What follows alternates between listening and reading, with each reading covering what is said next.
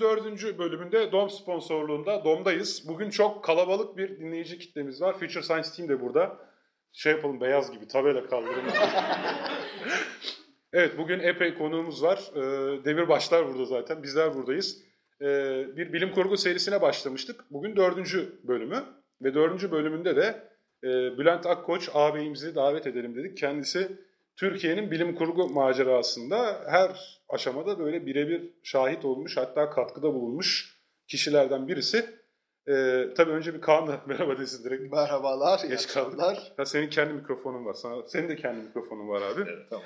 Evet o zaman e, Bülent abi sen bize bir kendini tanıt öyle başlayalım ya. Peki tamam. Ben 1958 İstanbul doğumluyum. İşte bilim kurguyu çocukluktan itibaren sevdim, okumaya başladım. Nasıl başladım da size şöyle anlatayım. Doğan Kardeş diye bir çocuk dergisi vardı. Doğan Kardeş Çocuk Dergisi 1966 yılında renkli, gayet güzel, yani kapağında Ateş Top diye bir macerayla yayın hayatına başladı. Ben de benim de bilim kurgu sevgim o şekilde başladı. Ateş Top konusu uzayda geçen bir uzay gemisi ve içindeki üç kahramanın maceralarını, maceralarını anlatıyordu. Bu aslında Ateş Top 1960-65'li yıllarda İngiltere'de yayınlanan e, kuklalarla yapılan bir animasyon dizi filmiydi. Japonya'da falan da çok yayılmıştı. Ünlüdür, meşhurdur. Bu Gary Anderson, internetten de araştırmak isteyenler bakabilir. Gary Anderson'ın Kukla dizisi. Bunun deniz altında geçeni vardı, daha farklı olan maceraları olanlar vardı. Fireball, ateş topsa uzayda geçendi. O ateş topa hayran kaldım. Tabii ateş topu hayat boyunca yapmadım. Yapmak da mümkün değil ateş topu ama onunla birlikte bu evrendeki yolculuğa çıktım. Tabii şöyle, tabii bizim çocukluğumuzda yani ilkokuldayken aynı zamanda hep kitap okuma imkanlarımız da vardı sürekli kütüphanede, okulda. Jules Verne'i okumamak diye bir şey söz konusu değil. Birçok kitabını herkes alır okurdu. Ben onları da okudum. Tabii bu arada bu kitap okuma maceralarında değişik alanlarla ilgili de- değişik kitapları okurken de bilim kurgu kitaplarıyla da karşılaştım. Amcamın evinde Çağlayanlar mesela Yeni Dünyalarda serisi vardı. Onlarla karşılaştım, okudum. Onlar beni etkiledi. Ve ondan sonra hep kitapçılarda bu tür kitapları aramaya başladım. Dedim ki gelecekle ilgili kitaplar var mı? Konusu uzayda geçen kitaplar var mı? Daha bilim kurgu terimi ortada yoktu. O zaman tabii kitapçılar bir bölüm anlıyor, bir bölüm anlamıyor. Zaten kitapçı sayısı da fazla yoktu. Ya henüz bilim kurgu kelimesi Yok, yok, bilim kurgu kelimesi yok ortada. 60'larda yani yoktu ortada. 66'da falan yok. 66, 8, 70, 70. Dolayısıyla kitapçıya gidince Ya, meramını tabii, ben tabii. uzaylı falan bir şeyler istiyorum. diye. Ya öyle bir şey zaten anlamıyor. Bakıyor sadece. Sen ne biliyorsan ar- araştırıyorsun, inceliyorsun.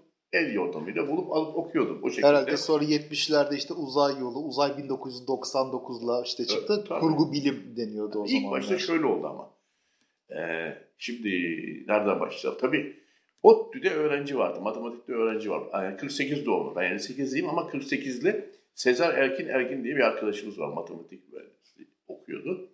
O 1971 yılında İngilizce Science Fiction diye bir dergi, Antares diye bir haberleşme bülteni 4 sayı çıkarttı. 1971'de 4 sayı çıkarttı. Ama tabii bu e, o civar, o, o tekstil olarak çıkıyordu yani tekstil makineleriyle çıkıyordu.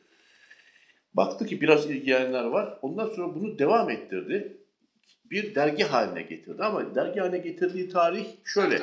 Mart 74 Mart 74'te birinci Amur Antares Bilim Kurgu Dergisi diye bir dergi çıkarttı.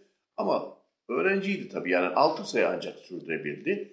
Daha sonra da daha küçük ebatta yani bu A4 ebatlarında filandı. Daha küçük ebatta yani 12 santime 17 santim ebatlarında 7 sayı daha sürdürdü. 13 sayı sürdü Antares'in macerası. Tek yazar kendisi miydi? Değişik arkadaşlar öyküler yazıyorlardı. Şöyle Ankara'da e, aynı zamanda Metin Atak diye bir bilim kurgu ile ilgili iki tane roman yazmış. Türk bilim kurgu romanı yazmış. Bir arkadaş var. Onun kitabının içinde bilim kurgu sevenler yazın tanışalım diye küçücük bir etiket, sticker vardı.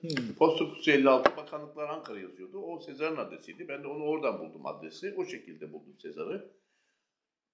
Bu mektup yazaraktan bir araya gelen 100 kişi falan vardı. Pardon. Çok fazla değil. Sezar mı dediniz? Sezar? Erkin. Jules Sezar gibi. Ha, Jules Sezar gibi. Sezar, Erkin, Ergin. Üç ismi var. Sezar, Erkin, Erkin. O sayede bir araya geldik, mektuplaştık filan. Sezar'ın çalışmaları 78'de devam etti. 78-79 arasında da tek yapraklık tekstil çalışması olarak devam etti. Sonra kendisi yurt dışında çalışmaya gitti. Hmm. Evlendi, yurt dışına gitti.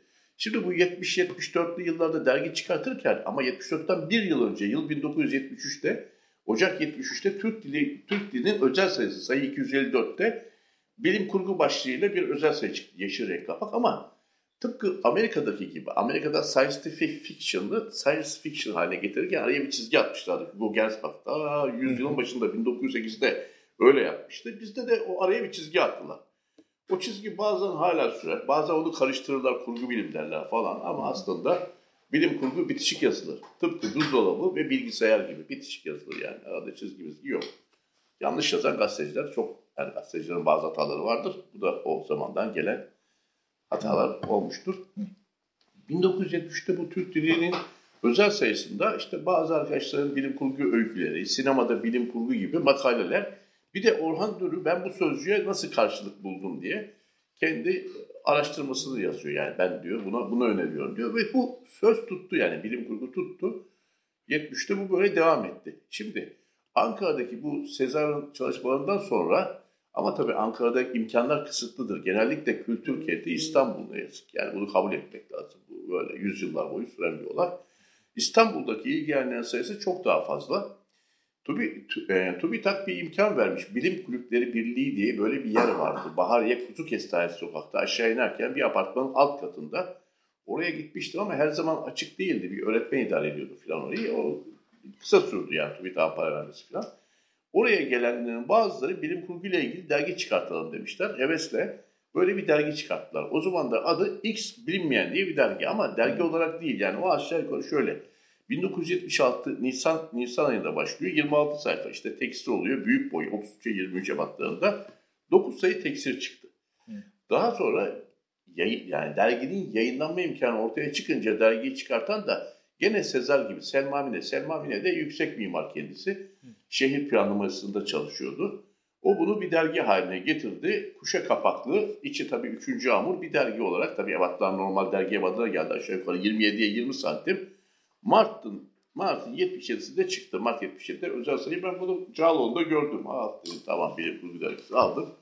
Orada da diyor ki aylık toplantılar. Aylık toplantılar. Hemen tabii koştum. Kurtuluş'ta ev vardı. Orada aylık toplantılar öylece bilim kurguya işte zaten Sezar'la yazışıyordum. Girmiş oldum. Pardon Selma Mine'nin çocuk kitapları yazarlığı Tabii, bundan tabii. sonra mıdır önce mi? Önce Selma Mine çocukluğundan itibaren hep yazmış. Selma Mine'nin aşk öyküleri var, tefrika edilmiş. Hı.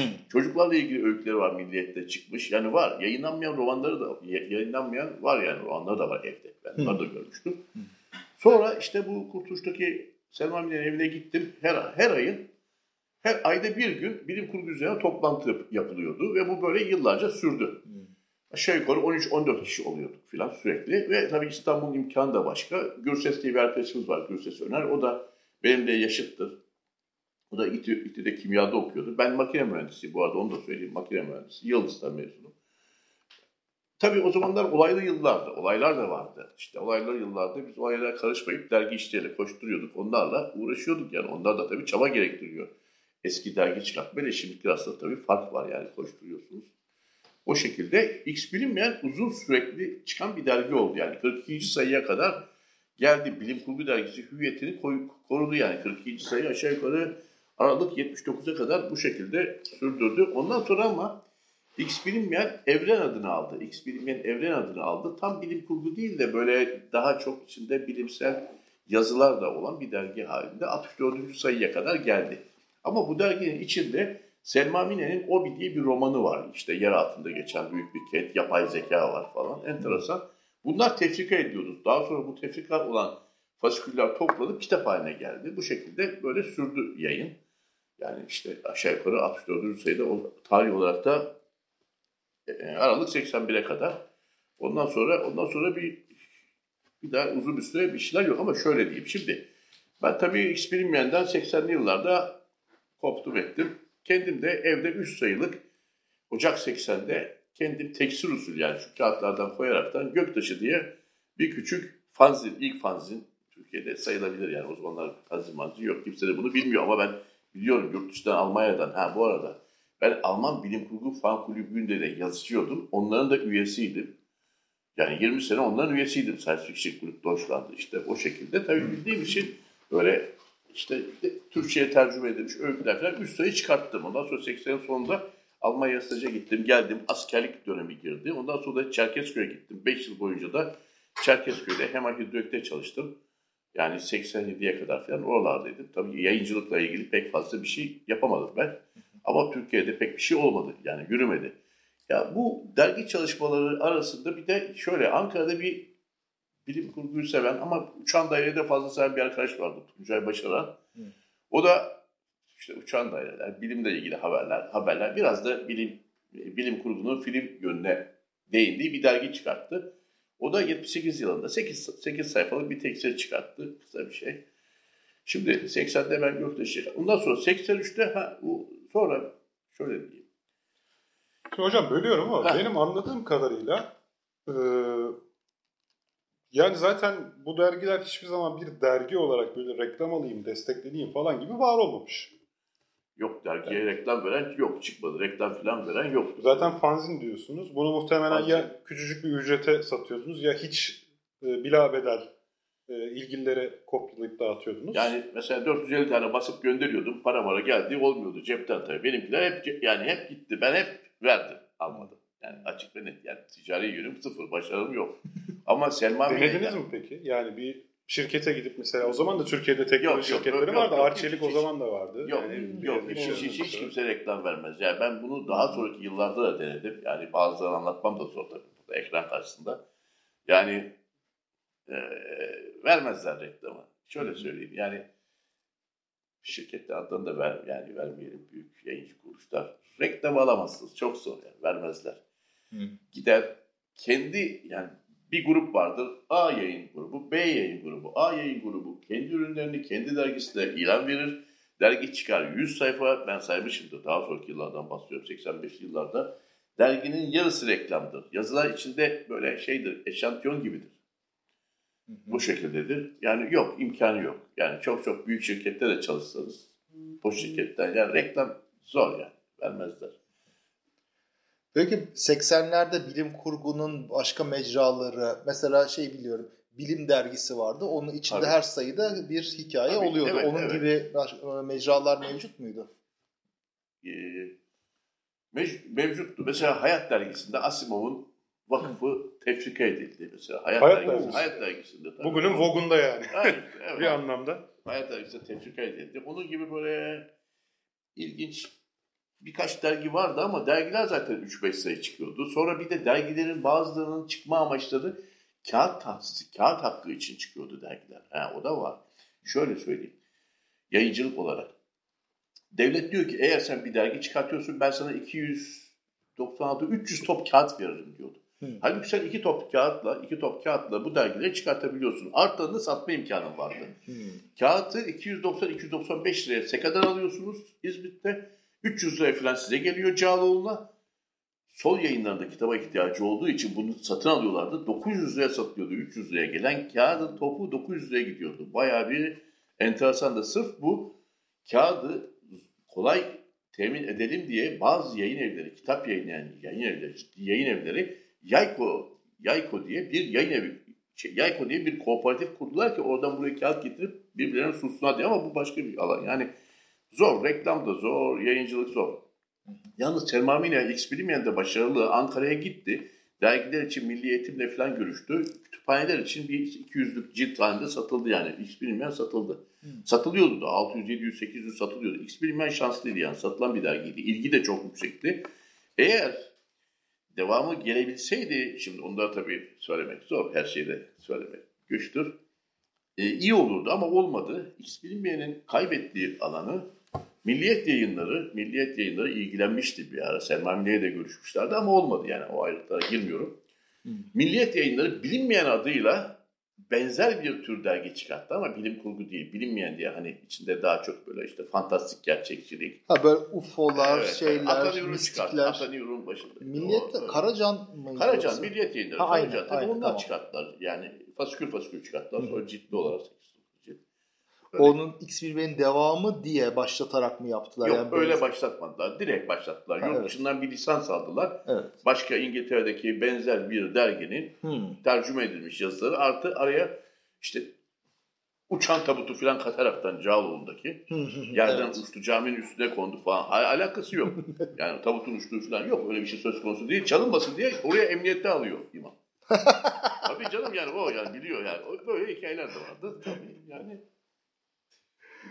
Yani O bilinmeyen zaten ayrı bir Ayrı, şeydir, tabii. program konusudur yani. kesinlikle. Çok tabii yani, o enteresan bir şey. Ben çocukluğumda onu takip ederdim biraz. O biraz böyle şey, Travmatize üçüncü göz sözde bilim O, falan ta- böyle. tam paso yani Parapsikoloji. şey ha, parapsikoloji, sahte bilimler, sözde bilimler yani eleştirdiğimiz her ne varsa hepsi vardır. UFO'lar. Şey arşivi falan olsa keşke bir yerlerden bulsak. Valla ilk iki cildinin PDF'ini buldum. Daha fazlasını bulamadım. Kitapçı, kütüphanelerde vardır. Var, Bu bulmak ucuz da lazım. satılıyordu. Sahaflara ben sah ha, bu arada tabii kitap okumayı sevdiğim için yani sahaflara da gidiyorum. 1975 yılından beri sahaflara giderim. Bayağı uzun bir süre.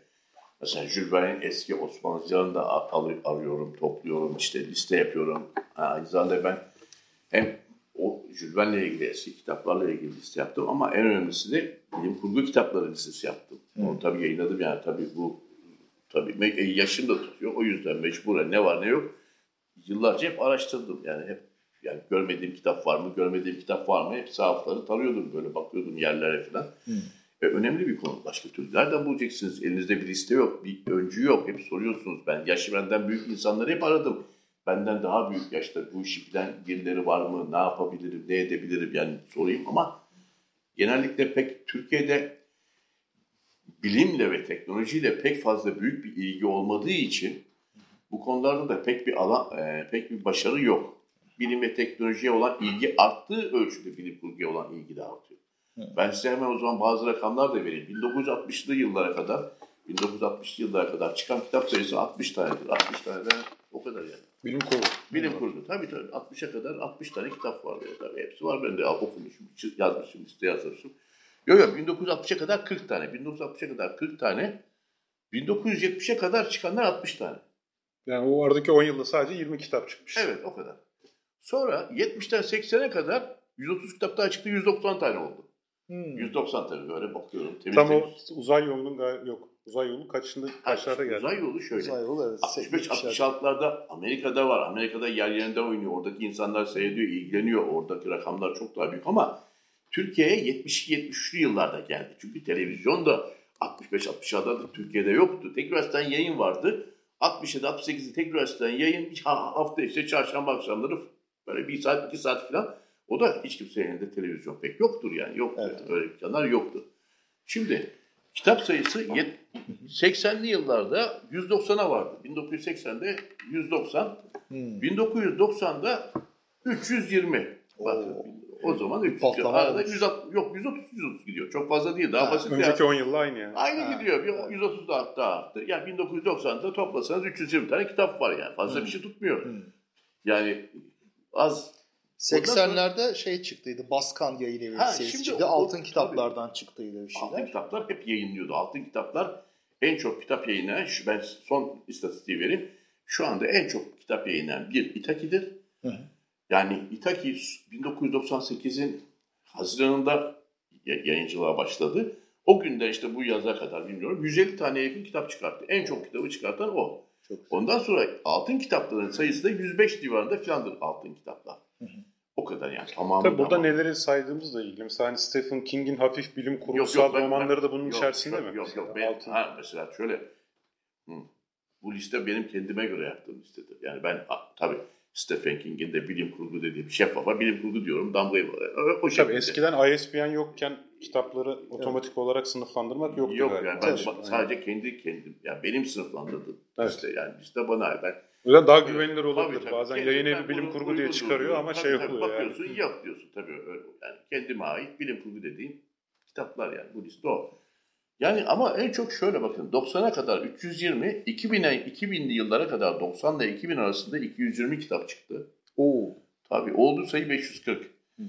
2000'den 2010'a kadar 300 kitap çıktı. Oldu 840. Şu son 7 senede de 500 kitap çıktı. Oldu Oo. 1350. Ya felaket şu son şu son 2000 ile 2017 arasında 800 kitap çıktı. Oo, oh, Muazzam bir rakam. Ve Çok İtaki bu 800 kitabın içinde 150 tane çıkarttı. Öbürüne ortalamaya yaparsak %20'ye geliyor İtaki'nin yayınları aşağı yukarı. Altın kitaplar tüm zaman boyunca 150'den 105 tane çıkarttı. Daha sonra çıkartanlar işte işte artık 5 Metis yayınları falan 35. Ama şimdi en yani dizi olarak derseniz 55'li yıllarda Çağlayan yayınları çıkarttı. Bir 10 tane Yeni Dünyalarda diye dizi. Ama onların hepsi çok küçük. Özet yani üçte bir, dörtte bir normal kitapların. Evet. Tabii bu kitapların hiçbirinin orijinal adı, orijinal yazarları hiç içinde yok. Bunları zaman içerisinde kitapçılarda, sahaflarda, Facebook, Amerika'daki orijinallerini buluyorsun, içine bakıyorsun, onun içindekilerle kıyaslıyorsun, zar zor orijinal adını buluyorsun. Öyle bir durum söz konusu. Sonraki yıllarda bir Baskan satıyor diye kitaplar. O da bir bilim kurgu dizisi çıkarttı. Sonra Metis'in bir 33, 33 kitaplık bir serisi var. Bu şekilde yani seriler. Bir de Okat'ın 1971 yılında bir 16'lık serisi var. Tabii 70'li yıllarda bilim kurgunun biraz böyle ilgi çekmesi sebeplerinden biri de dünyada Ay'a gidiş, uzay çalışmalarının artması. 60'lı yıllarda sonra Ha. uzay çalışmaları çok önemlidir. Sputnik Aya tabii tabii şey, tabii. Ay'a gidiş 60'lı vesaire. yıllardan sonra 60-70 arası dünya uzay çağı yani onu öyle görmek lazım. Yani eğer ilgileniyorsanız tarihte 60-70 arası Rusya ile Amerika'nın büyük yarışı ve insanların böyle bakmasıdır. İnsanlar Ay'a gitmek, gidememek, onlara inan, inanmayanlar da oluyor. Yani ben şimdi ya- yaşadığımda söyleyeyim. Babam, anneannem de oturuyoruz Eyüp Sultan'da. Birisi vefat etmiş. İşte oturuyoruz. Babam Cumhuriyet okuyor. Ben de tabii hem Cumhuriyet okuyorum hem de babamın arkadaşların okuduğu diğer gazetelere de okuyorum. Değişik tefrikaları görüyorum, tercüme falan. İlgilendiğim için bu küpürleri de saklıyorum. Evde benim koleksiyonum Hmm. yani fena yani feci gazete küpürleri falan. Ay'a gidiliyor, geliniyor. Mesela babama sordular. Babam gazetelerini okuyorsa onu anlatıyor. Köşede de mesela imam vardı. Dua okuyor yani bir vefat durumu. Dedi ki ay dedi nurdur gidilemez. Babam da sinirli yani biraz sinirli adam. Hadi oradan dedi. Adam dedi oraya gitti taş getirdi ses getir dedi. Adam utandı sesi soluğu kesildi. O, şey yok. Ama adam Vallahi ses getirdi. eski yalan savar. getirdi. Tabii canım gerçek tabii canım istersen tartış yani. Yok Öyle öyle bir şey. Babam Helal. sert adamdı. Helal. E şimdi tabii Tamam, mesela yani inanan var inanmayan var. Adam oraya götürdü arkadaşlar. Lisede fizik dersinde hepimiz okuduk lise 2, lise 3'te. Bir aynayı 90 derece ayna koyduğunuz zaman 90 derecelik aynaya bir açı ışık ışını gönderdiğinizde neyle çarparsa aynen yansır. Öyle değil mi? Öyle 90. evet. Astronot götürdü oraya koydu. Mecbur astronotun görevi koymak. Oraya koydu 90 dereceyi. Kitty Hawk buradaki ra- e, Hı. as- işte radyo astro oradan gönderiyor lazer ışınını Ha. çarpıyor aya geri geliyor. Ha. Milimi milimine ayın titreşimini sapmasını ölçüyoruz. Hala adam gitmedi diyor. Hayır bir şey her gün yapılan Adam aldı şey ya. getirdi sana taşı toprağa koydu. Buraya da geldi. Yapı Kredi'nin burada Galatasaray'daki bu merkezinde alt katta millet kuyruk oldu o taşı girelim görelim diye. Ne- Nasıl taşlar küçük küçük duruyor ya. Hı. Kuyruk oldu bayağı bir kuyruk oldu. Astronotlar Türkiye'ye geldiler. Gezdiler arabalarla. Ankara'da Atatürk'ün karşısında saygı duruşunda bulundular. Yani Yalnız bak çok ilginç. Yani babam e, 65'ti benim. 4 yaşında. Düşün yani Ay'a gidildiği sırada. E, ki bu arada yani Türkiye'nin Afyon'un Emirdağ ilçesinin de yani öyle çok İstanbul'da vesaire falan filan da değil ama o geceyi şöyle hatırlıyor. O gün bir köye misafirliğe gitmişler galiba ya da alışverişe. Akşam at arabasıyla döneceklerken at arabacıyla babam konuşuyordu. Amerika'da bugün Ay'a gidecek diyor. Biz de çocuğuz aklımızca görür müyüz acaba diye diyor. Kardeşlerimle beraber baktık. Orada bile konuşuluyor ama o mevzu. Hmm. Yani anlatabiliyor muyum? Tabii. Tüm dünyada ilgiyi uyandırıp Tabii, insanları tabii. bilim kurguya sevk etmesini ama o gün herkes onu biliyor ve merak ediyor yani. Şeyi konuşuyorlar mı mesela hani bu e, uzaya gönderilen arabayı konuşan var mıdır hani Twitter'da vesairede olmayanlardan mesela hani klasik ailelerden evinde hani bugün araba gönderiyorlarmış falan. Benim babam çok konuşuyor. Herkese anlatıyor. Yok yok daha çok yine hani benzer örnek olarak Gümüşhane'nin bir köyünde mesela Evet, bugün konuşuluyor mudur? Ya İlginç ben diyorum ki konuşulmuyordur. Çünkü o zaman tek bir iletişim kanalı var. Radyo. Radyoda da tabii bu haber ister istemez var. O yüzden herkes zaten duyuyor. Tek kanallı TRT zamanını da işte yaşadık. Bir ne bileyim bir dizi olur. O her gün e, ertesi gün herkes onu konuşur. Bir haber olur. Herkesin haberi olur. Bugün Evren'in anlattığı gibi medyanın e, filtresi vardı. O filtreye geçebilenler tüm kitleye ulaşıyordu. Evet. Bugün filtre sosyal medyayla beraber yok. İnsan denk- nasıl yani, içeriye erişmek evet. istiyorsa ona erişiyor zaten. ancak. Bir dinleyicilerimizden bir yorum var Bülent Hocam. Belki e, şey o konuda da bir şeyler söyleyebilirsin. 50'li yıllarda çıkmış Çocuk Haftası isimli çizgi roman dergisinde Dünyalar Savaşı adlı çizgi roman var. Çizerin ismi belli değil diyor. Acaba H.G. Wells'in uyarlaması falan mıydı? Onu da soralım. Dünyalar Savaşı çocuk haftasında Rogers diye, Rogers diye adlandırılan ama Colkins diye bir Amerika'da e, Philip Nolan'la Colkins'in ortak çizdiği 1929-30'lu yıllarda yayınlanan Buck Rogers uzayda yani 24. yüzyılda, 25. yüzyılda diye bir çizgi roman var. Daha sonra da Gordon çıktı bunun benzeri yani gazetelerde. Bunu bunu yayınlıyorlardı. Çocuk haftasında bunlar var. Çocuk Anladım. haftasındaki Hmm. yani o. Ama onun dışında tefrika olarak normal öyküler de var. Bilim kurguyla ilgili öyküler falan da vardı. O Buck şekilde. Rogers sonra TRT'de dizi Ha, olarak tabii, yayınlanmıştı. tabii. 25. yüzyıl diye bir şeyler. Tabii Buck galiba. Rogers 25. yüzyılda. Daha sonra evet 6 milyon dolarlık adam. Steve Austin oynuyordu. Tabii tabii. O aynısı mı ikisi? Aynısı, aynısı. Onun filmi alınmış o. Hı. Evet. Bu benim dediğim çizgi roman olarak. Tamam. Çizgi roman. Çok eski ama 1929-30'lu yılların çizgi romanı Hı. o. Uzun süre gazetelerde yayınlanıyor. Bir şey daha var. Bu bilgiyi var. veren Çağlar Tüfekçi'nin bir de size sorusu var hocam. Hatta geçen hafta da bunu konuşur musunuz diye özellikle rica etmişti diye hatırlıyorum. Bülent hocamıza bilim kurgunun radyo tiyatrosu ayağını da sorabilir misiniz? Zamanında TRT'nin yaptığı bilim kurgu radyo uyarlamaları var diyor. Yani o alanda da bir geçmişimiz var galiba değil mi? Radyo tiyatroları var var yani pazar işte hafta içinde ama şimdi ben onların hepsini dinlemiş değilim de bazılarını biliyorum yani yayınlandığı var. Mesela bilim kurgu ile ilgili Erol Tulay var mesela radyoda çalışıyordu. Radyoda görevliydi. Radyoda program yapıyordu. 78-79 yıllarda bilim kurgu ile ilgili yarım saatlik her hafta çıkan yarım saatlik 25-26 tane program yapmıştı. Hem müzik veriyordu, bilim kurgu ve müzik. Hem bilim kurgu vardı, öyküler vardı. Hem de müzik filmlerden mesela örnekler yani müziklerle örnekler veriyordu. Onları hatırlıyorum. Tabii. Evet hocam. Peki sen en son galiba bir Ha, şeyde kalmıştın. Nerede kaldık ha? 1987 Tarihsel ha, Bindo- nerede kaldık? 1987'nin sonunda artık İstanbul'a gelin dedim. Ben İstanbulluyum. Geldim buraya. Siemens'te işe başladım. Başlar başlamaz da gazetede küçük bir ilan. Bilim kurgu dergisi çıkacak. Hayda.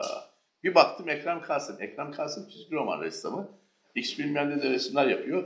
Gittim tekrar Kadıköy'deki bürosuna. Dedi ki dergi çıkartacağız işte birkaç arkadaş var. İyi peki dedim. Tamam dedik. Ve bir dergi çıktı. Çağdaş Sanat Bilim Kurgu. Kapak kuşe. Ne? Ça- Ça- Çağdaş Sanat Çağdaş Sanat. Bilim Kurgu dergisi ama dağıtımı falan olmadı. Hiç olmadı. Üst sayı çıktı, para uçtu gitti. Hiçbir şey yazık. Şimdi orada uğraşan, ilgilenen arkadaşlar vardı. Genç arkadaşlar. İşte bunlar arasında Orkun Uçar vardı. Hmm. Metin Demirhan vardı. Atılgan diye bir dükkanı vardı. Sonra da Nostromo diye bir dergi çıkarttı. Hmm. Ediz vardı, Kadir vardı arkadaşlar. Bunlarla buluştum, konuştum. Se- Sezen vardı eski arkadaşım orada. Hiç bilmeyen de onlarla konuştuk. Baktım ki insanlar istiyor bir şeyler. Peki dedim hep birlikte dergi yapalım ama olmadı yani. Tek başına bir sene sonra 89'da 12 sayılık bir dergi yaptım. Bir ve ikinci sayıyı tünelde bastırdım, matbaada bastırdım. 900 kişiye falan postaladım. Bende bu adresler vardı çünkü X bilmende çalışırken bu adreslerin hepsi benim elimdeydi yani görüyordum. Elime almıştım onları. Gönderdim ama tabii 100 kişi falan yani önce abone oldu. Sonra sayı düştü. Ondan sonra 3. sayıda itibaren fotokopi olarak çıkarttım. Her sayıda bir öykü vardı. O derginin adı neydi hocam? Onu Öncü, öncü bilim kurgu Öncü bilim. Ha, hatta bu arada o zamanlar televizyon da biraz arttığı için TRT 2 de vardı televizyon. TRT 2, TRT televizyon 2, TRT 2. Onlar gelelim dediler. İyi dedim gelin bir gün eve geldiler. İşte bir baktım 13 kişi geldi. Nasıl hazırlıyorsun masada göster dediler. 13 kişi birden çektiler ettiler. TRT 2 kısa bir süre yayınladılar yani onu öyle. O, o- onu yaptım. Daha sonra tabii sürmüyor yani. Çünkü Peki ne vardı? Mesela bu Öncü dergisinde sadece öykü mü vardı? Haber Öyküler, çeviri öykü, vesaire. çeviri öykü vardı, çeviri öykü vardı, film haberleri, sinema haberleri. En arkada bilim kurgu öy- bilim kurgu kitaplarının kaynakçası. O hani ben daha önce elle yazıyordum. Ha, elle yazıyordum. Eskiden daktilo yok, bilgisayar şey yok. Hmm. E, tükenmez yazıyorsunuz. Araya kitap girdi mi ilave ediyorsunuz. Tekrar elden geçiyor, tekrar elden geçiyor. A1, A2, A3 diyorsunuz. Tekrar böyle uğraşıyorsunuz. Bilgisayar çıkınca şimdi her şey kolay oldu. Bunları veriyordum yani 89'da bu şekilde. Artık dedim ki bundan Ama sonra... Bibliografya var bibliografya var. Tabii, tabii, kesinlikle.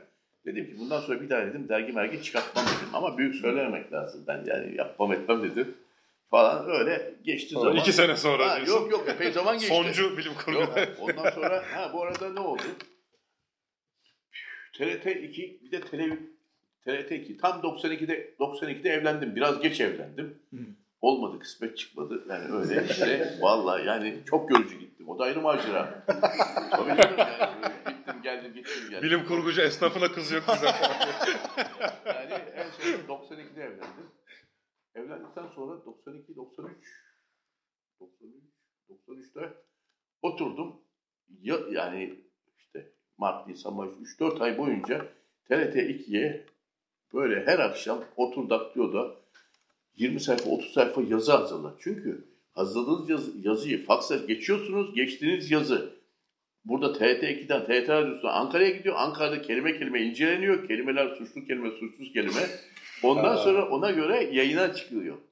Tam Böyle şey olmuyor 12 Eylül dönemi. Yok Değil değil. Yok nasıl yani? Devlet TRT olduğu işte, için TRT, TRT devlet, yani. devlet yıl 93. Bu Oğlum şekilde. işte minik kelebek, otur uçmak ne demek? Tabii Olay minik o. kelebek şarkısı gibi yani. Öyle aynı tabii kelimeler inceleniyor. Bilim kurgu da olsa böyle yani. O, o çalışmayı da yaptım. Ondan sonra bir çizgi roman dergisi çıkıyordu. Darkwood çizgi roman dergisi çıkartan Hmm. bir ekip vardı. 10-15 kişilik arkadaşlar. Onlarla birlikte konuştuk ettik. Bir bölüm dedik ya dergi çıkartalım. Ben dedim 10 kişi bulalım. 10. ve sonuncu kişi olacağım. 10. ve sonuncu kişi oldum. Bir Atılgan çıktı Ocak 96'da. İki ayda bir çıkan bir dergiydi. Ama herkes para koyacaktı. İşte birinci sayıdan sonra olmadı. Oo. Ben dedim hani yeniden pehlivan görüşe doymaz devam dedim. Tek verdim parayı öyle işte dergiyi çıkarttık. 14 sayı çıktı. Ama tabii paranın falan geldiği yok. Yani en son durumu size şöyle anlatayım. Bin bin bin basıyorsunuz. Cağon'da büro tutuyorsunuz. Büro duruyor. Bilgisayarlar alınıyor. Bilgisayarlar pahalı falan o zamanlar. Dergiler yığılıyor. Satmıyor. 50 tane 60 tane 100 tane satıyor. Böyle 13 bin tane dergi yığıldı. En sonunda mecburum eve getirmeye. Oo. Bir kamyon tutuyorum eve geliyor. Düşünün kapıdan içeriye giriyor dergiler paketlerle böyle paketler yığın yığın duruyor. Evlisiniz eşiniz neden? Zor soruyu sordum. Yani Vallahi işte zor bir durum. Yani o gece onları gece 12'ye kadar yatakların altına yığdım yığdım başka yolu yok. Nereye yani yürüyemiyorsunuz. Yani çok zor O çok kadar. zor çok zor. Yani, Depo kiralasan o da ayrı maliyet. Yok imkansız yani o yok o, o bir şey değil yani. Zor yani Türkiye'de dergi işi zor yayıncılık zor. Yani Sonra ne oldu? olarak. Yavaş yavaş satıldı mı yoksa? Yok yok yok onlar tabii onların başına gelen genellikle tabii ki kötü bir şey Hurda. yani. Hurda ya da sahaf. Burada burada tabii ki safa yok. Sahaf. Şimdi iki şık vardır. X bilmeyenden tecrüben var. Başka dergilerden de tecrüben var. Bazı okurlar şöyle derler. Ya der ben ona 5 lira 10 lira vermeyeceğim. O yarın öbür gün 50 kuruşa düştüğünde ben onu yerden alırım. Oo. Bu kötü bir düşünce. X bilinmeyen evren. Ben bunları gördüm orada. Yerde 5-10 kuruşa satılıyordu. Saflar şahsında, Beyazıt'ta. Bu iyi bir yaklaşım değil. Çünkü 5 lira 10 lira verip o dergiyi alan insana karşı yapılan bir saygısızlıktır. O zaman yapacağınız tek bir şey vardır. İmha edeceksiniz. Hmm. İmha edersiniz. Bitti gitti. Geriye ne kalır? 100 kişinin elinde 100 tane duruyor mu? Ah. İşte onların değeri saflıktır. Hmm. Ölçülemez. Hmm. Ben şimdi söyleyeyim. 1938-39'da 1938-39 yıllarda çıkan bir, bin bir romanlar var. Büyük boy. Hı. E, sahaflarda bunların rakamları uçtu uçtu gitti belli bir noktaya. Ha ben o dergilerden en aşağı 20-25 takım gördüm yıllar boyunca izledim. Hmm. Ama X yani mesela Atılgan'sa 100 tane en fazla. Elinde hiç kaybetmeyen veya hepsini tam takım tutabilen belki de 20 kişi 30 kişi var. Oo. Yani aynı değerde. Hı. Aynı değerde. Yeni çıkmasına rağmen aynı değerde. Yani bulmak mümkün değil. Bulamazsınız. Yok. Çünkü bitti gitti. Hı hı. Yani elindeki malı kaybetmeyeceksin. Peki şimdi şey sor, kaybetmeyeceksin. şunu sorayım. Tabii. Şimdi bunları belli arşivlerde falan, kütüphanelerde bulmak mümkün mü? Ya onu işte zamanında kütüphanelere veremedi. Kütüphanelerde yok. Da yok. O, onu uzman mesela mesela enteresan bir şey söyleyeyim. Ben mesela şimdi bilim kurgu ile ilgili aynı zamanda çizgi romanları da seviyorum, topluyorum. Bir zamanlar çizgi romanlara o kadar önem vermezdim yani. Daha az değer verirdim. Nasıl da bunlar bulunuyor diyor. Yani okunuyordu, misket karşılığı değiştiriliyordu falan. Ama çizgi romanlar artık bulunması çok çok zor oldu. Bazı fasiküllerin bin liraya gittiğini görüyorum. Yani. Oo. Bin liraya gidiyor. Bir tane fasikül. Çünkü neden? Milli Kütüphane'de yok. Hmm. Beyazıt Devlet Kütüphanesi'nde yok. Başka kütüphanelerde de yok. Ve tabii iyi bir belli iyi bir koleksiyoncu olduğunuz zaman, belli bir noktaya geldiğiniz zaman Türkiye'de kimde ne var ne yok aşağı yukarı Onu da biliyorsunuz ve öğreniyorsunuz mesela diyelim çizgi roman. Üç kişi de var, iki kişi de var. Ne diyeceksiniz şimdi siz buna? Düşünüyorum, düşünüyorum. Ancak neyle kıyaslayabiliyorum biliyor musunuz? Topkapı'ya gittiğiniz zaman Topkapı Müzesi'nde kalın bir cam var. Arkadan basıyor, bakıyorsunuz el yazması bir tane var. Belki bir benzeri daha var. İkincisi, üçüncüsü yok. Hmm. E, öbür çizgi roman da öyle. iki adet. Tabii. Tüm Türkiye'de. Türkiye 200 milyon olsun. 300 milyon olsun. Fark etmiyor. O iki adet var. Hmm. Bunun değerini nasıl ölçersiniz? Nasıl? Yani çok zor Yani yayınlanan her şeyin bir nüshası milli kütüphaneye gönderilmesi Kural lazım ama böyle ama işte olmuyor mu? matbaalar göndermiyor. Yayıncı da onu tembellik ediyor, gönderemiyor. Gidip elden verecek falan işte. Olmuyor yani. Ya da bakmıyorlar Olmuyor. eskiyor atılıyor. Eski Eskiyor, böyle her sene atılıyor. eskiyip atılan Ya bir da Çizgi romanlarla ilgili bazı başka türlü şeyler de var. Basıyor, daha tam dağıtıcısını bulamadan da, da, bu basıyor. Köşede 500 tane, 1000 tane dergi var. Cebinde masası, masasının gözünde de bir tane okuyor, atıyor öyle. Diğerleri burada. Hı. Bir anda iflas ediyor. Anında yani bu Cağaloğlu'ndaki yayıncılar. Ha. O anında orada çöpe gidiyor, soba yakmaya gidiyor, bir yere gidiyor, sekaya gidiyor. Hı hı. O dergiyi gören yok. Bu masa ve diğer makinelerin hepsi Yeddemin'e gidiyor. Hmm. Yeddemin de köşede kalıyor. 30 sene sonra çıkıyor. Masaya çekiyorlar eski gazete dergi. Aa diyorlar enteresan. Ve hasbelkader bir sahafın eline geçerse, Bilinçli biri bulursa bu arada. Bilinçli Birisi biri, onu alır tabii. atar şöyle masaya. çöpe giderse Yani. gidiyor ama bir sahafın eline geçerse sahaf sizi çağırıyor. Bunu gördün mü diyor. Aman yarabbi diyorsun. Böyle bir şey görmedin. Yok diyorsun. Ve o tarihe geçiyor yani öyle bir şey. Var böyle enteresan dergiler var. Çizgi roman. Şimdi ben de şeyi merak ettim hocam. Birçok dergiden bahsettim. İşte çıktı yayınlandı falan filan. Şimdi çok nadir ya da yoklar ortada. Bunların içerisinde bir sürü öykü möykü de çıktı zamanında. Tabii.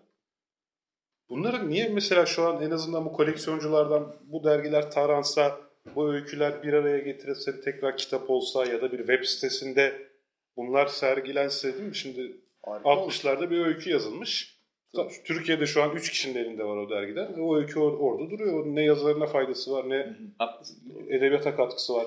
Yani siz organize etseniz de biz bu eski dergileri tarayıp dijital ortama aktarabilsek.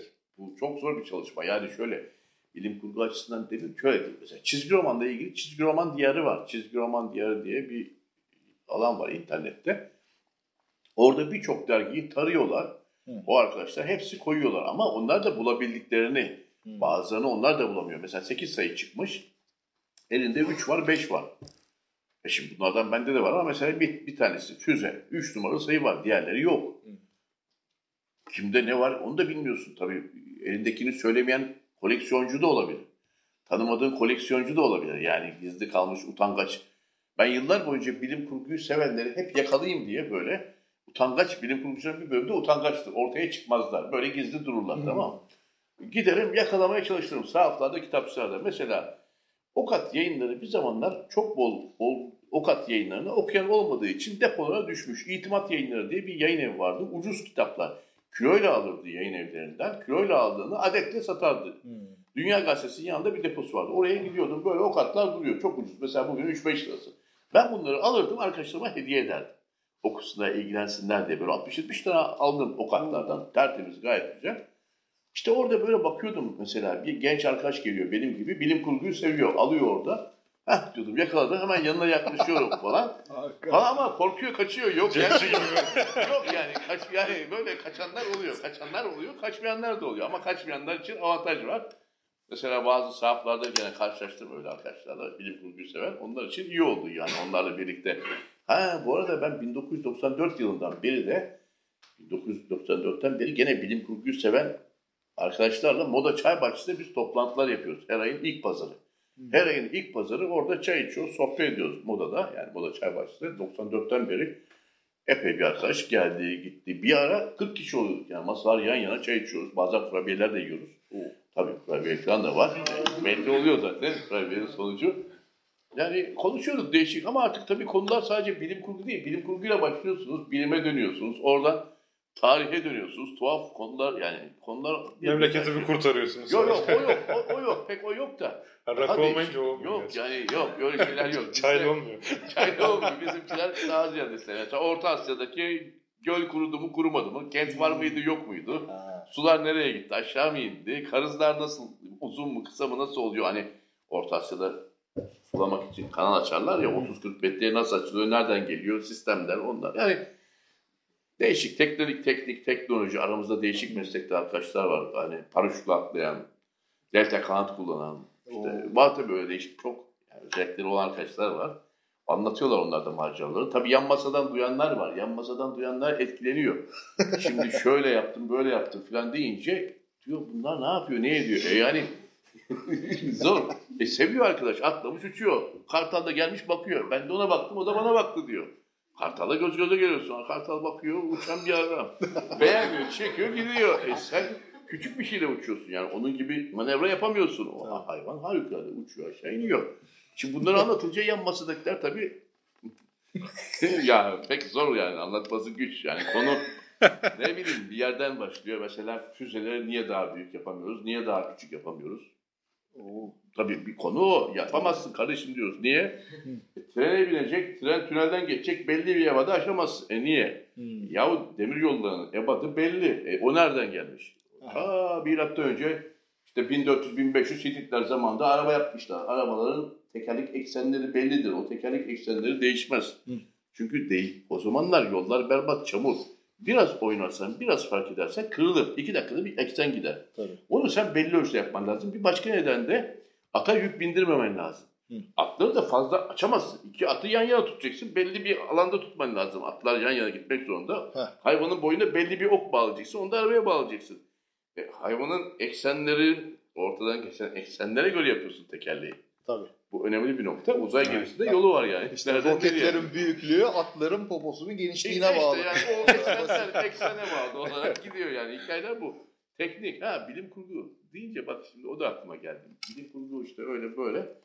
Yani insanlar ne bileyim DNA'yı, RNA'yı bilmezsen, milimetreyi, mikronu bilmezsen, Hı. yani elektronik pozisyonu bilmezsen neresi anlarsın? Çok zor bu konular ya. Yani zor zor yani. Ama şimdi Türkiye'de bilim de bir miktar artıyor. Teknik de, teknoloji de hepimiz kullanıyoruz görüyorsunuz teknoloji. O yüzden yani bilim ve teknoloji artımıyla, bilgi birikiminin artışıyla insanoğlu biraz daha fazla okuyor. İşte şu rakamlar ondan dolayı kitaplar o yüzden fazla basıyor, yayınlanıyor. Yani ancak bilim ve teknolojisi gelişmiş ülkeler ilgileniyor bilim ve tek, yani bilim kurguyla. O olmayınca olmuyor.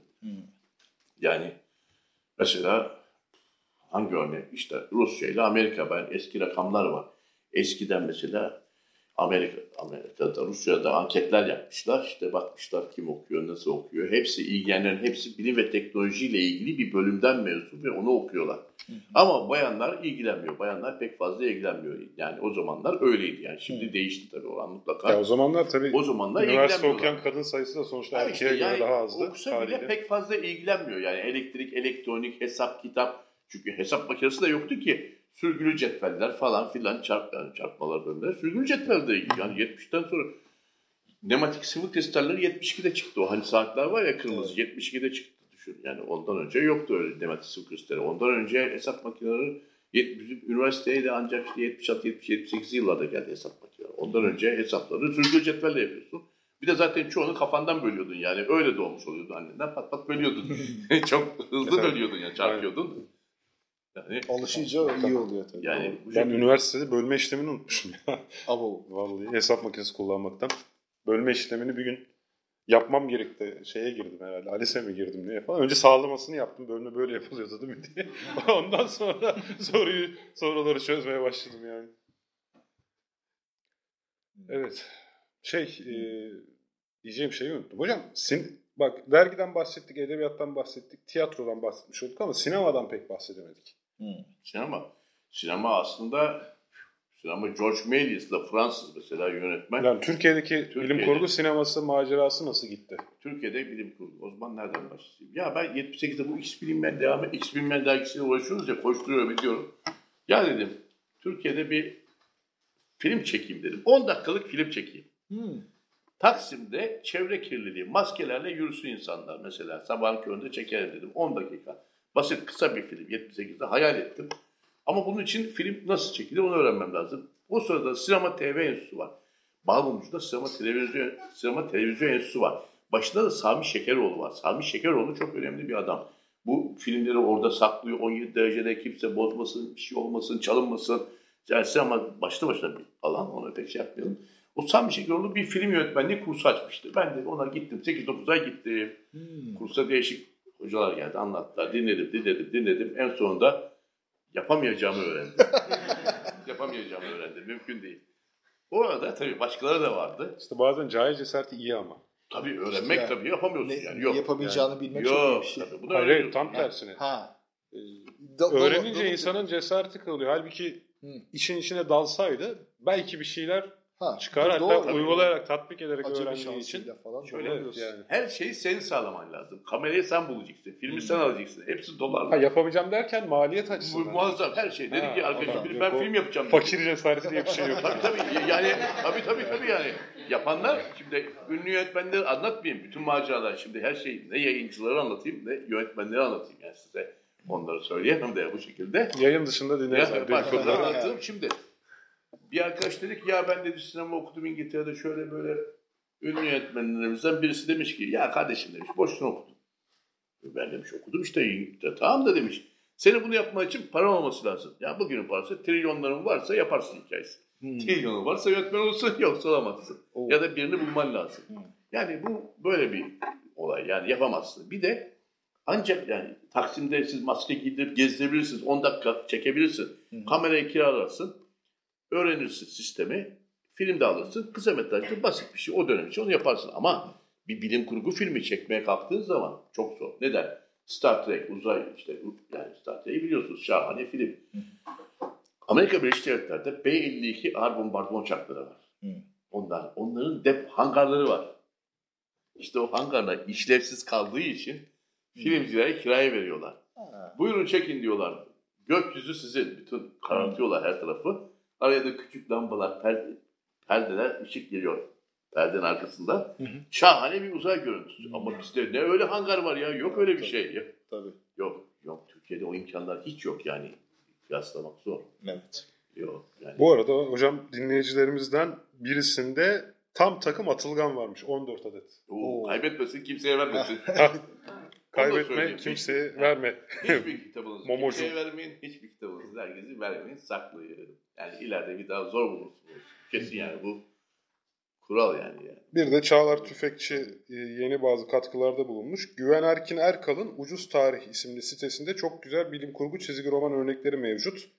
Kendisi çok iyi bir arşivci. Belki bir gün onda konuk alırsınız diye. Güven Erkin Erkal Esen kitapta değil mi? O Bizim derneğimizin de rock'n'roll- üyesi. rock- Rock'n'roll'la ilgileniyordu. Dergi çıkarttı. Hem Esen Müzik hem evet, Esen evet. kitabın Evet, sahibiydi. Yani, tabii biliyorum. 1956'larda çıkan Roket dergisi var. Feza Kahramanları ismiyle bilim kurgu macerası yayınlanmış. 72-73'lerde de Uzay Yolu Türkçe çizgi roman olarak yayınlanmış diyor. Hmm. Ee, evet katkılar bu Roket kadar. zor bulunur. Pahalı. Oldukça pahalı. O. Ama uzay yolu ucuz. O dergi bulunuyor da roket pahalı. Bir dergi aslında Var mı sende? Var. Bir müze falan açacak mısın hocam? Yani evde tutuyorsun da işte. Biz tarayalım onları. Ver. Bu çok ya şöyle söyleyeyim. Bunlar imkanı yani arkadaşlar emekli oldum. 2014'te Siemens'te emekli oldum. Küçük bir ev aldım. Şimdi kütüphaneyi taşı yani e, kitapları oraya taşıyorum. Ama tabii taşımak da biraz zor. Geçen sene biraz sağlık ayağım kırıldı. Sağlık sorunları yaşadım falan. olsun. Şöyle küçük kutular var. Ufak kitapları bozmayacak kutulara ayarlıyorum 12 tane. Ondan sonra bir arkadaş geliyor onları alıyor götürüyor. Yakın bana benim evime. İşte şimdilik daha ancak 17 tur yaptık gitme gelme. Daha bir 17 tur ondan sonra biraz daha olacak galiba. Ancak oraya yığacağım yani kitapları. Düşünüyorsun. Şimdi bunlar o kadar zor işler ki, o kadar çok saat tutar ki. Benim işim gücüm, hayatım hep hesap kitapla geçtiği için. Hmm. Yani açık ve net söylerim o kadar zor ki. Hmm. O kadar büyük zaman alır ki hiç imkanı yok ya onların tarafından. Yani Gönüllü olacak bence Yok, bir sürü imkan- aramızdan bile çıkar yani değil mi şöyle yani? bunu bunu bakın öyle bir şey olduğunu farz. Ama kıymetli veremem. Yo, tabii bir de o var. tarayıcıya koyarken sayfa Tabii, ayrılır. Yani tabii şimdi o da zor. Ne bileyim Böyle kaybolur falan. Buradan Hani buraya beş, Böyle altı korkular kişi- varsa bir şey diyemem. 5-6 kişi masalar, bir sürü printerlar gene aylarca süren bir çalışma. bu. Hocam tarayıcı şey yaparız. Girişte üst aramız, çıkışta üst Yok, aramız. hayır o, o değil de çok çok zor yani. Çok zor. İnan ki çok zor. Vaziyet bıraksınlar. Vasiyet. Onların hepsini düşündüm. Yani hepsini ben dedim ya size. Sen ne yaptın ya? Daha Bülent abi geçti. Ya yok haklısın. Valla eninde sonunda o tür bir şey düşün. Gerçi Tabii. hepimiz, hepimiz öleceğiz. Tabii tabii bunları hep ben zaten her hafta duyuyorum zaten. Ben şimdi sahaflara gittiğim için. tabii tabii ya ben bunları duyduğum şeyler sürekli duyuyorum. Telefonda söylüyorlar.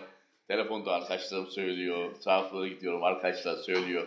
Zaten yaşadık da biz bunların hepsini yaşadık da. Bende öyle çok hikayeler var ki size hangi birini anlatayım? Hadi bir tanesinden başlayayım. Hadi bakalım. Kadıncağızın birisi geldi baktı benim sahaf arkadaşım orada. Ben baktım gözümün ucuyla tamam dedim. Bir hikaye var başlıyoruz. Sahaflar cin gibidir. Böyle baktım yüzünden demeyecek o konu geçti ya hemen anlar. Hmm. Alır almaz. Kaça satarım kaça satmaz. Yani bende o kabiliyet yok satış ve alış ticari ama onlar anlar yani otomatikman. Yani diyeceksiniz ki niye? Onların beyni öyle çalışıyor. O ayrıntıya girmeyeyim. O neyse.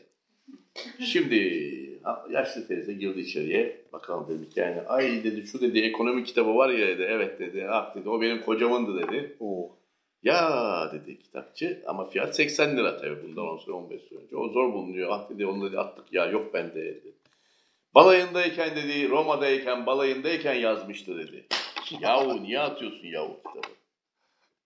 Acı hikaye. Yani çok hikayeler var. Yani Bilkent Üniversitesi'nden çalınan kitaplar yukarıdan nasıl atılır aşağıya. Başka Biraz şey buradan- geldi aklıma. Şimdi benim de eşim balayındayken oturup kitap yazsaydı ben de o kitabı atardım doğrusu.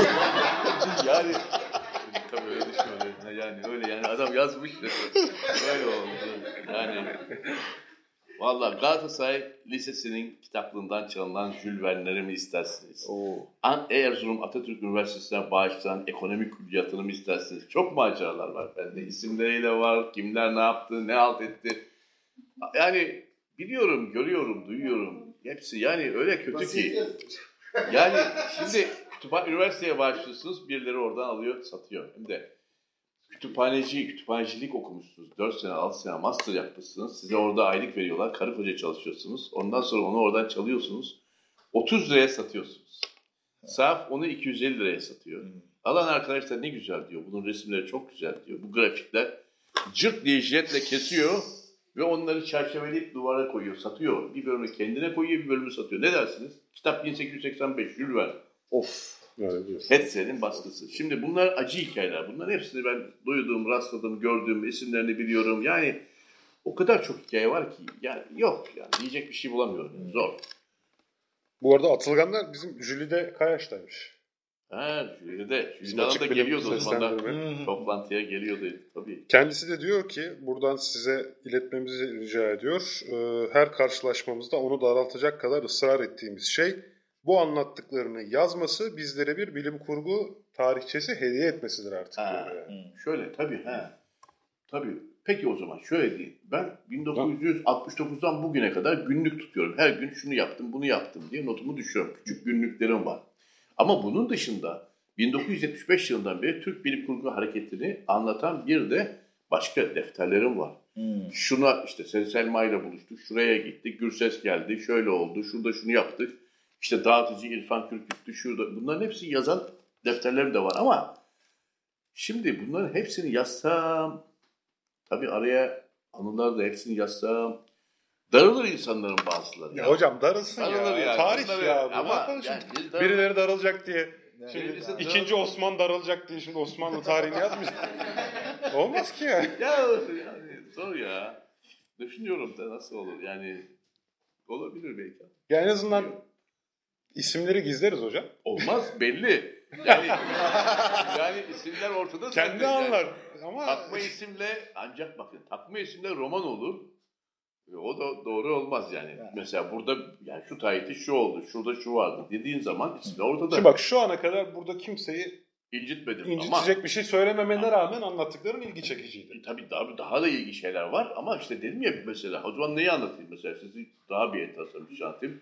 Hani Süpermen koşuyor böyle bilim kurgu adına diye ya. Hı. He, ya o gencim bilim kurgucuları yakalamak için oralara buralara gidiyorum. O hani çılgın insanlar var. Metafizik İlim ve Tetkik Cemiyeti'ne gittim. Ha. Oraya buraya gittim bakıyorum. Acaba bir tane adam çıkar mı diye 40 tane 50 tane böyle bakıyorum. Oranın sahibi böyle bakıyor. Eyvah diyor. Niye geldi bu kurt gibi bakıyor diyor. Ay yanında bir arkadaşla zıktıyla birlikte eyvah eyvah filan. Şimdi gene bir gün Sezar'ı bulacağım Ankara'da. Posta 56 Bakanlıklar Ankara ama bu nerede oturuyor dedim şimdi Sezar'ı bulmam lazım. Postaneden bir şekilde adresini buldum. Vermezleri aldım bir şekilde adresini. İşte gittim. Hayda. Şimdi o zamanlarda basın kartı sarı kart ya. Sarı kart yok ama X bilmeyenden muhabir kartı var. Sarı renkli biraz büyük. Üzerinde de basın yazıyor. Hmm. Gören onu basın kartı zanneder. Şimdi basın kartı çoğu yere gidiyorduk yani açıldı. Yani röportaja falan gidiyordum. Polise gösteriyorsun. Geçiyor çünkü öğrenci olmak tehlikeli o dönemde. Evin kapısı açıldı. Bir baktım. Şimdi gazeteci olmak değil. Yani gaz, ha, gazeteci gibi gitmişsin. Kapıyı açıyorsun akşam 6'da 7'de Ankara'dayım. Haber işte Ankara'ya gittim. Karşımda aynı karikatürlerde, dergilerde olduğu gibi atletli bir arkadaş. Biraz ufak tefek böyle baktı bana. Uuu çakır keyif durumu iyi değil. Bana baktı, o bana baktı. Sezar'ı arıyorum dedim. Hiç kimsin de size anlattım. Basın dedim. Basın kelimesini tam anlayamadı. Eyvah dedi basıldım dedi. Eder. Ay dedi sizi kim gönderdi falan böyle ama ağzı burnu oynuyor ya dedim Allah Allah. Derken arkada bir arkadaş daha geldi. Şimdi o biraz daha normal. O da içkili ama durum iyi değil şimdi. Ya dedim Sezar arıyorum. Sezar burada oturmuyor mu? O kim diyor? Arkadaşım diyorum işte bilim kurguya geliyor. Burada oturuyor filan. Derken bir baktım arkadan iki de bayan. Aa. İyi, durum sahne belli. Oluyor. Bunlar basıldık diye korkuyorlar. Gel, baskına geldi mi? Eyvah! O korkuyor. Karısı gönderdi diyor. Basıyor. Elimde kart basılı. Neyse ki ikinci arka, öndekinin arkasındaki o daha aklıma işte yok kardeş yok dedi. Öyle birisi yok. Biz biz oturuyoruz burada dedi. O taşınmış dedi. Anladım sağ ol iyi günler dedim. Çıktı iyi akşamlar dedim. Çıktım gittim. Yani O değilmiş değil mi? o değil. Bak kimse Bunlar değil. darılmadı. Anladım. Bak kimse darılmadı. Ama onlar bunlar tanımadıkları için yani. Onlar, Bütün alem gitti yalnız. Bütün keyif kaçtı yani evde. yani böyle değişik maceralar var bilim kurgu adına tabii. Aa, işte Yani- bence yazılmalı. Hakikaten Yani- haklılar yani. Var, Çok güzel olur. kesinlikle, Kesinlikle. Yani Kendim uğraşmıyorum diyorsan biri seninle Ya. röportaj yapsın yazsın Vallahi böyle işte bir böyle editörle. yani. Evet, nehir söyleşi falan öyle bir şey. Gibi. Kaydedin podcast olsun. Mesela. Bilim kurgu adına Evet. işte yani böyle ama arttı yani sayı arttı tabii. Bir de Almanya'dan anlatayım. Hadi hep Türkiye'nin değil de değişik. Şimdi, Oradan kimse darılmaz. Orada- orada darılma olmaz. Kaçtı yıl? 1985'in sonu Kasım ayları falan işte. Kasım ayı 85. Almanya'ya gittik. Hannover'de, Hannover'de Torna firması var. Demeitler ünlü bir firmadır, büyük bir firmadır. Bilgisayarla çalışan CNC takım tezgahları. Hı. Torna daha sonra işleme merkezi falan alacak şimdi. Üç tane makine mühendisi arkadaşız. Diğerleri benden büyük. Ben küçüğüm yani onlara göre. 85 doğduğuma göre 27 yaşındayım falan işte. Orada Şimdi bende bir tane ufak rozet var. Buraya takılıyor bilim kurgu, science fiction kurup Deutschland ama hava soğuk. Buz gibi. Kasım Aralık üstünde parka falan da var. Dedim ya rozet zor gözüküyor. Telefon ettim tamam geleceğiz dediler. Hannover'de Kröpke saati. Hani burada Taksim saatinde buluşurlar ya. Hı. Orada da Kröpke diye bir saat var. Saatin altında buluşuruz dedim. Yarın akşam tamam dediler. Telefon falan yok. Yarın akşam o saatte buluşacağız. Benim arkadaşlar ya dediler kimse gelmez. Boşuna uğraşma. Hadi iddiaya girelim girmeyelim. Tamam dedim girelim. Ama çok fazla olmasın yani. Sizin de paranız pulunuz gitmesin. Yani bir kola alırsınız dedim. Ufak bir şişe. Ona razıyım. Tamam peki dediler. Bunlar geçtiler kafede bekliyorlar. Şimdi ben de eyvah acaba gelecekler mi gelmeyecekler mi? Telefon ettim bir kişiye ama aa, bir baktım saatin o saat geldi. Saatte duruyor orada. Beşi birden duruyor. Beşi bir yerde. Oo. Hepsi parka. Fakat onlarda öyle küçük rozet yok. Rozetin büyüğünü yapmışlar. Bu kadar yapmışlar. Kocaman rozet. Hepsi göğsüne. Parkanın üstünde tam ortalarında Science Fiction Kulüp Deutschland. Ya yana duruyorlar. Vay dedim. Hepsi burada. Ay, çok etkileyici bir sahne. Ve onlara doğru yürüdüm. Ellerini sıktım falan. Onlarla birlikte hadi dediler hava soğuk gidelim işte buz gibi iyi bir yere gidelim. Gittik. Bizim arkadaşlar sonra bakıyorlar ya dediler hiç beklemiyorduk. Ya dedim bilim kurgu güzel böyle. Dünyanın neresine gidersen git birbirini yakalar yani kesinlikle. Bir de Almanlık var tabii yani. Ha, Söz tabii. adam oraya gelecek. Tabii tabii. Ha onlar tabii mesela bak onlar Almanya'nın kuzeyinden güneyine, doğusundan batısına tabii telefon telefon yok. Telefonla haberleşiyorlar, faksla haberleşiyorlar. 96 100 sayfalık siyah beyaz haberleşme bülteni çıkartıyorlardı. Yılda da 4 kere de öykülerden oluşan dergi çıkartıyorlardı. Büyük boy.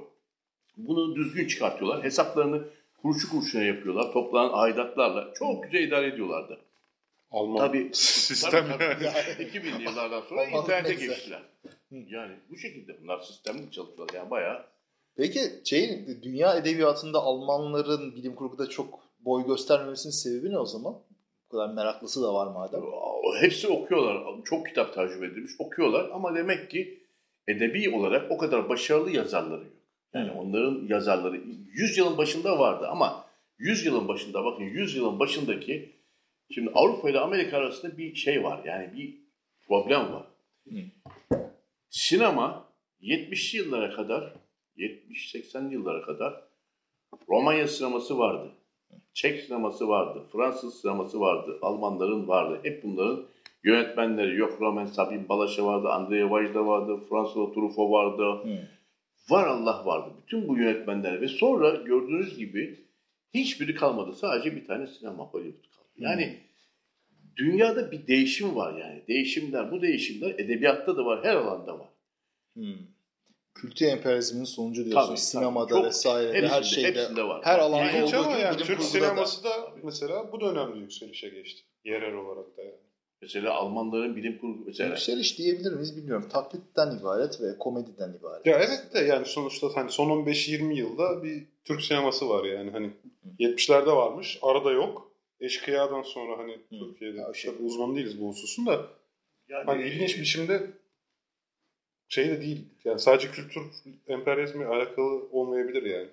Da çıkanlar da herhalde yine bir Amerikan taklidi gibi oluyor. Çok da farklı olmuyor. Ya şu var Yani şimdi insanların şey yok. sinemadan olan beklentisi sen daha iyi bileceksindir ama eskiden hikayenin kendisiydi. Şimdi daha efektli kaliteli şeyler bekliyoruz. Maliyet artıyor. Hı hı. Yani dediğin gibi de bu yüzden belki Türkiye'de sinema yükseliyor derken işte maliyetsiz komedi filmi yükseliyor.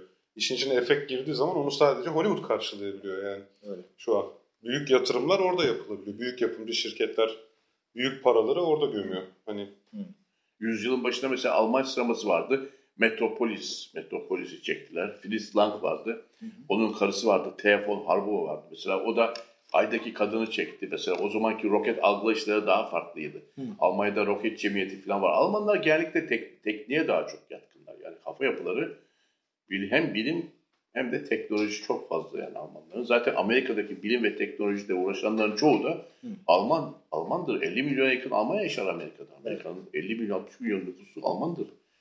Aileler hep Yani göç etmiştir. Tabii Tabii, zamanında onlar, göç etmiş. tabii tabii yani kesinlikle yani bu Ay'a gidenler hepsi yani malum işte bu buradan 100 100 Ama- Amay'dan. Amay'dan kaçanlar Tabii, çok tabii. katkılı Onlar Amerikalılarla tabii anlaştılar. Oppenheimer'da ama değil mi? Oppenheimer- Avusturya. Op- hayır, Oppen- Oppenheimer Amerikalı. Ama Am- Almanya'da okumuş. Allah. Ya şöyle e, Amerika'ya Almanya'dan mesela 19. yüzyılda göçenler çok olmuş. gelenlerden. Ama Birinci Dünya Savaşı'nda da bu Almanların çoğu Almanlıklarını unutturmuş. Soyadlarını değiştirip Amerikanlaştırmışlar husumetten dolayı. O yüzden Alman kültürü pek kalmamış. Texas'ta mesela, Philadelphia'da Almanların özel gazeteleri vardı, çeşitli kültür kurumları vardı ama 1920'lerden itibaren bu kaldırılıyor. İşte Alman düşmanlığından dolayı kalmıyor bir şey. İkinci Dünya Savaşı'nın etkisi biraz. da. Birinci, birincisi de. Mesela Hugo Gensbach mesela. Hugo Gensbach, Bach. Evet. Bach küçük göl demek Hollanda'da. Hollanda'dan geçiyor. Ama hepsi Alman aslında. Yani, Alman, yani Yahudi mesela diyorlar ama işte Alman Yahudisi sonuçta. Ve teorik fizikçilere bakıyorsunuz o zaman o eski 100 yılın başındaki fizikçilerin yarısından çoğu Yahudi aslında. Alman veya ona Bir şekilde Avrupa kökenli. Hepsi Avrupa kökenli. Hepsi bakıyorsunuz olamaz diyorsun. Yani niçin bu? Genetik mi? Niçin böyle? Böyle. Yok yani. Bu Şeyle de alakası var ama yani eskiden bilim biraz e, milli mesele olarak aralınca her millet kendi ileride olduğu alana daha çok yatırım yapıyordu. Fransızlar hep biyoloji alanına yapmıştır. 1900'lerin başına gittiğiniz zaman. Almanlar daha fizik, İskoçlar, İngilizler mühendislik vesaire derken böyle çok bariz bir şekilde matematikçiler de Fransızdır falan. Yani Tabii. o dönemde böyle Alman, çok şey Fransız. nerede gelişiyorsa orada işte Fransızlar matematikte en iyidir diyebilmek için devlet matematiği desteklemeye devam ediyor. O dönemlerin şeyi o biraz. Öyle yani Rüzgarı o yani. Kaliteli kurumlar falan oluşturuyor. Avrupa yani 1930'lara kadar dünyada bilimde tartışmasız lider. Amerika'da da var iyi fizikçiler, doğa bilimciler falan ama tek tük. Daha sonra tabii 2. Dünya Savaşı'ndan hemen önce kaçan Yahudiler, Avrupa'dan kaçanlar olsun. 2. Dünya Savaşı'ndan sonra gelenler olsun. Onlar Amerika'yı tabii iyice ayağa kaldırmış. Evet. Ee, pek çok aslında İngiltere bile nispeten geç ortaya gelişmiş. Yani Lord Kelvin 19. yüzyılın ortasında e, şeyin Oxford'un Cambridge'in e, şeylerden Avrupa'dan geri olmasından şikayet ediyor. Yani Cambridge'dekiler de kendileri de biz geriyiz. Matematiğimiz geri. Newton'da kaldık takıldık. Yani Fransızların daha ileri matematiğini milliyetçi sebeplerden kabul etmiyoruz. Bu böyle olmaz diye bir rahatsızlıkları var. Babbage'in mesela dahil olduğu bir grup da var bunda. Onlar da sonradan biraz ilerletmişler geri kaldıktan sonra. Avrupa yani genellikle kıta Avrupası çok daha ileride yakın zamana kadar. 100 sene öncesine kadar. Oppenheimer eskilerdenmiş yani. 1904'te New York'ta doğmuş Almanya ülkelerinden. Ee, ama bayağı eskiden gelmiş demek. 1904'te Oppenheimer orada doğmuşsa ailesi de erken gelmiştir. Yani. Tabii canım 1600'lü yıllarda İlk göçerler Almanlar. Almanlar çok göç etti. 1600'lü yıllardan itibaren açlıktan dolayı yani açlık kıta Avrupa'sındaki açlık nedeniyle çok göç aldı. Yani Almanya'dan gemilerle çok insan göç etti. Tabii. Yani o şekilde yani. Valla Bülent abi sohbetine doyum olmadı hakikaten ama programımızın da sonuna gelmiş bulunuyoruz. Ee, Bülent abiye bir alkış alalım.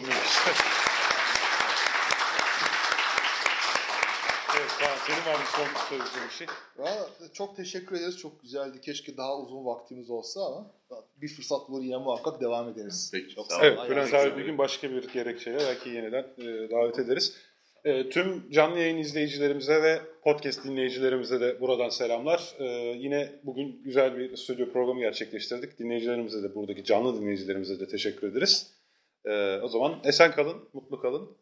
Ve Future Science Team'i bir kere daha analım. Future Science Team e, güzel bir oluşum. Google'da yazar yazmaz çıkar zaten. Domaini söylemek zor şimdi. FutureScienceTeam.org da, org muydu? Org'du değil mi? Tamam. Evet ama Google'a yazınca da ulaşabilirsiniz. Zannedersem bir Patreon hesabı açmışsınız. Yeni gördüm. Ee, inceleyin. Eğer çalışmalarını desteklemeye değer buluyorsanız herkes de destekleme çağrısında bulunuyorum buradan. Çok teşekkürler.